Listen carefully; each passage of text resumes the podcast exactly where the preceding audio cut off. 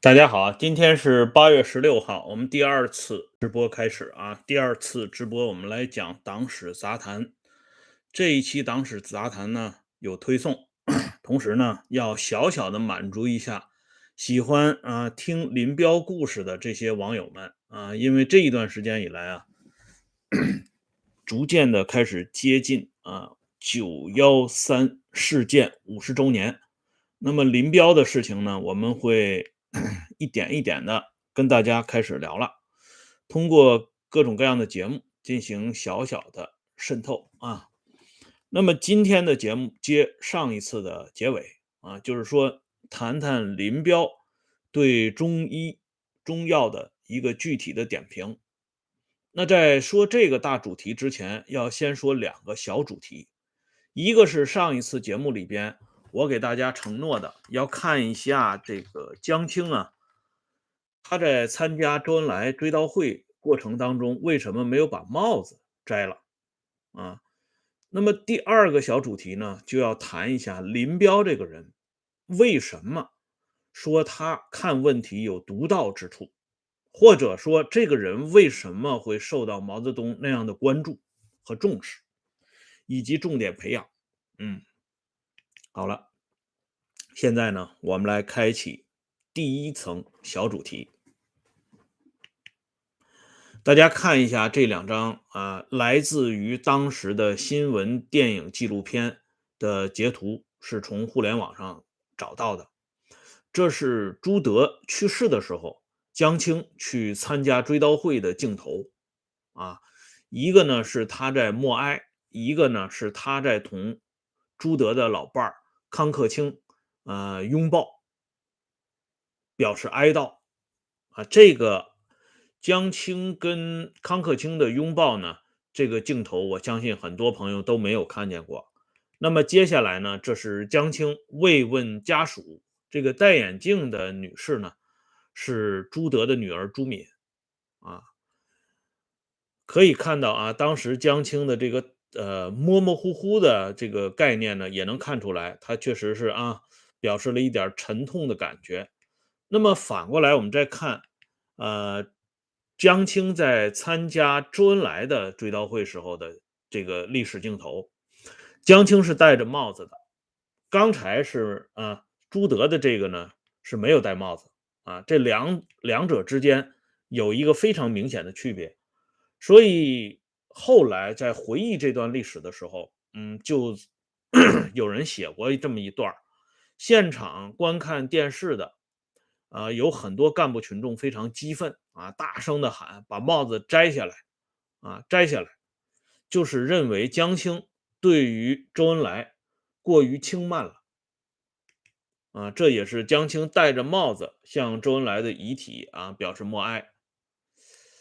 那么从这两者之间，我们还是看到了一点区别，啊，就是江青对朱德的态度和江青对周恩来的态度。如果啊用这个月份来解释呢，我以为还是解释不通啊。朱德去世的时间呢是夏天，江青可以不戴帽子啊。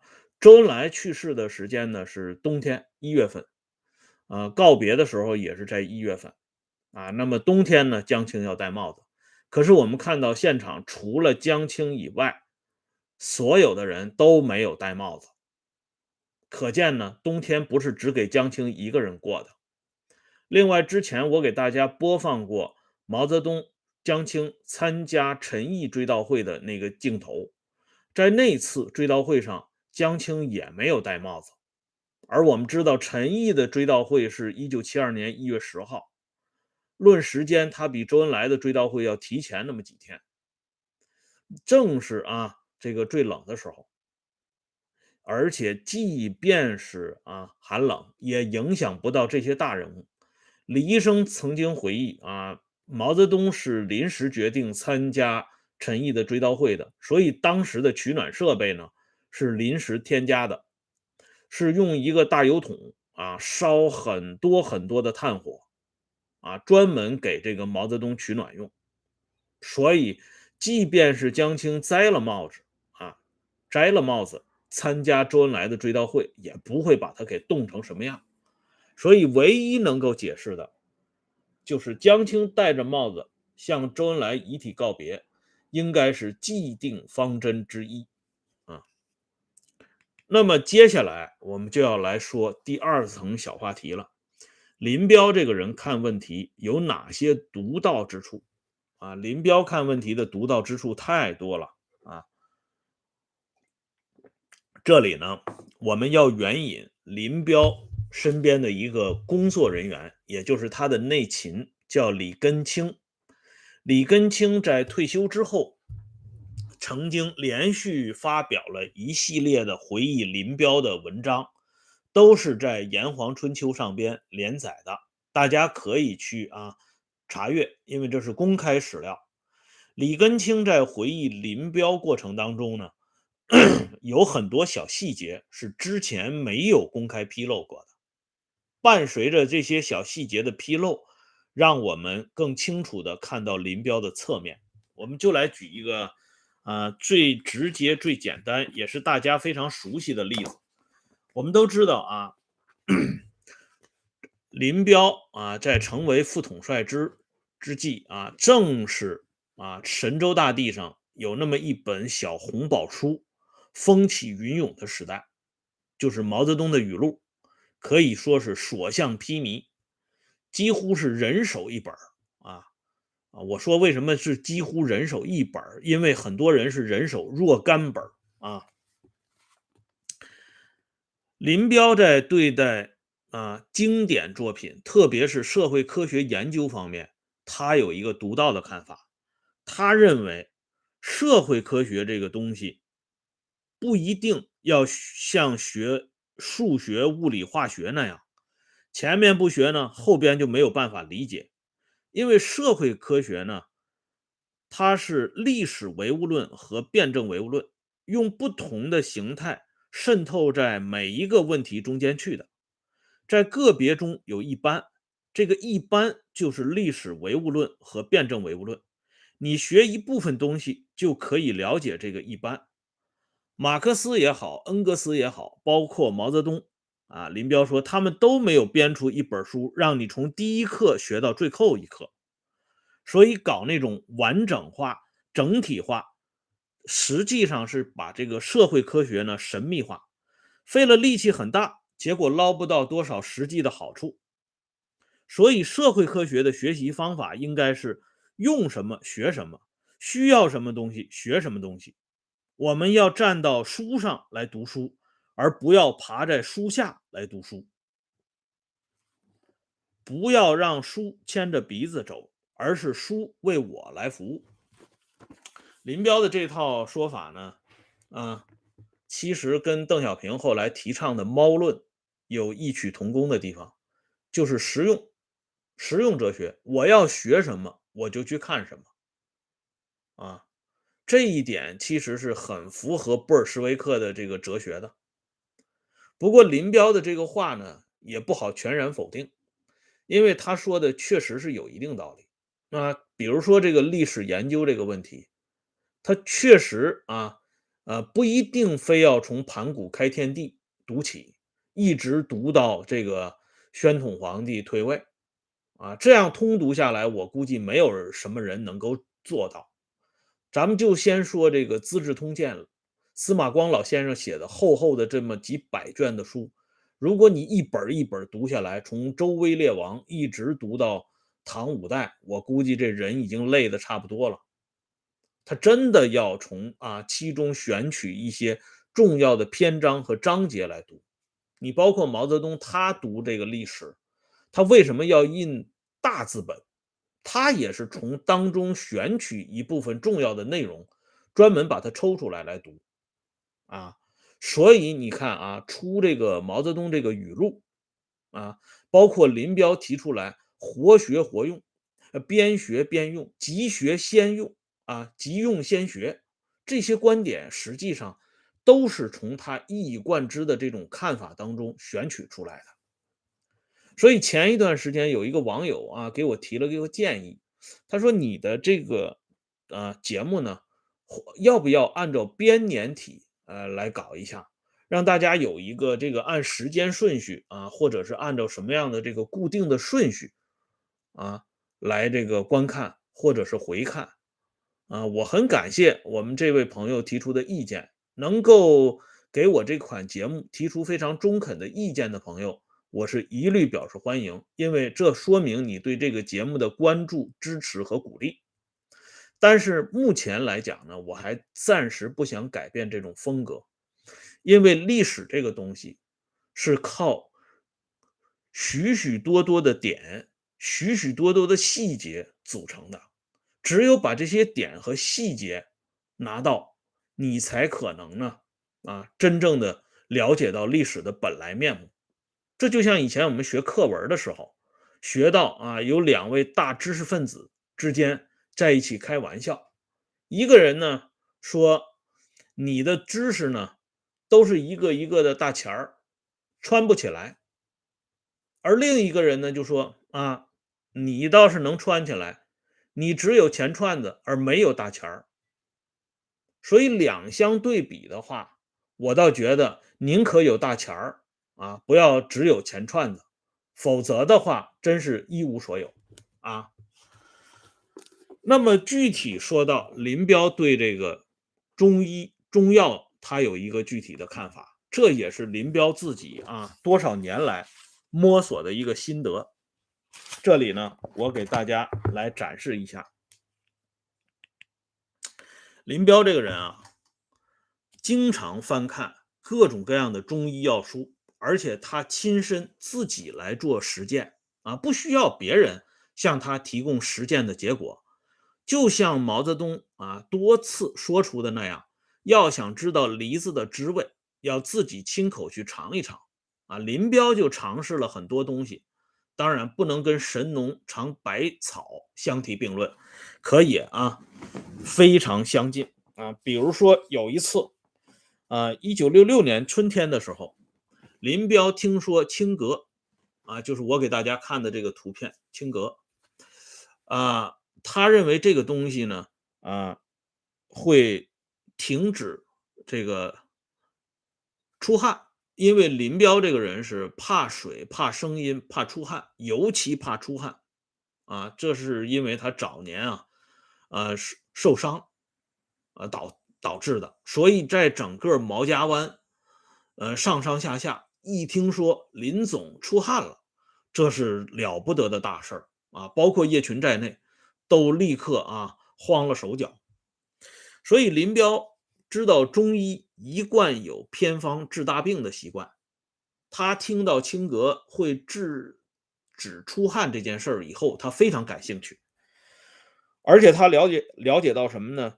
只有福建省漳州市这一带出的青格。才最有效果。于是林彪就直接跟当时的福州军区司令员韩先楚联系，让韩先楚啊，能不能把这个福建漳州一带生产的青革给他搞一些来？那大家想一想，韩先楚一听到这个指令，那必须马上完成啊！因为韩先楚在历史上虽然是红四方面军出身，可是，在当年啊，在辽沈战役前前后后，韩先楚是林彪不折不扣的部下，而且也是林彪很欣赏的一员战将啊。因此，韩先楚赶紧搞了一大堆这个青格送给林彪。送给林彪之后呢，林彪吃了两个就不吃了。为什么不吃了？因为林彪的经验出来了。林彪说了啊，吃青格手背儿疼啊，就是手背疼痛，所以这个青格不能再吃了。这是林彪在吃青格过程当中总结的一套经验教训。从这个小例子里边，我们就可以看到林彪这个人啊。在对待自己身体这个事情上是相当认真，同时呢，他对这个中医中药还真的有一点钻研的精神。有的人呢，只是看书本上怎么说，就照本宣科的去讲，而林彪呢是结合实践啊。那么他对中药的看法是什么样的呢？林彪的内勤李根清如实的回忆了林彪对中药的点评。这段话呢是林彪写在《药理学》这本书上的批注，发表在《炎黄春秋》二零一四年第五期。啊，大家也可以看到那个大标题：毛家湾林彪啊轶事啊，这个林彪所事啊。林彪对中药的批注是这么写的：中药不可服，错对均无案可查，无经验可用。就是说中药呢不能服用啊，因为它是错了还是对了都没有啊，这个以往的这个留下的经验教训可以去查对和核实。而且呢，也没什么实质性的经验，这是林彪对中药的看法。那么接下来呢，李根清本人有一个补充的说法。李根清说的原话是：“这说明林彪也不太相信药书和中药，他只相信自己。”啊，这是李根清的补注。那么通过这么一段故事呢？我们就可以看到，作为毛泽东的重要副副手啊，作为毛泽东多年以来一直精心培养的林副统帅林彪，其实对中医中药也不是那么感冒的。而李根清的这个回忆，恰恰是修正了以往停留在表面的那些对林彪的看法啊。我们经常看到聊林彪的人都会讲啊，林彪手里经常。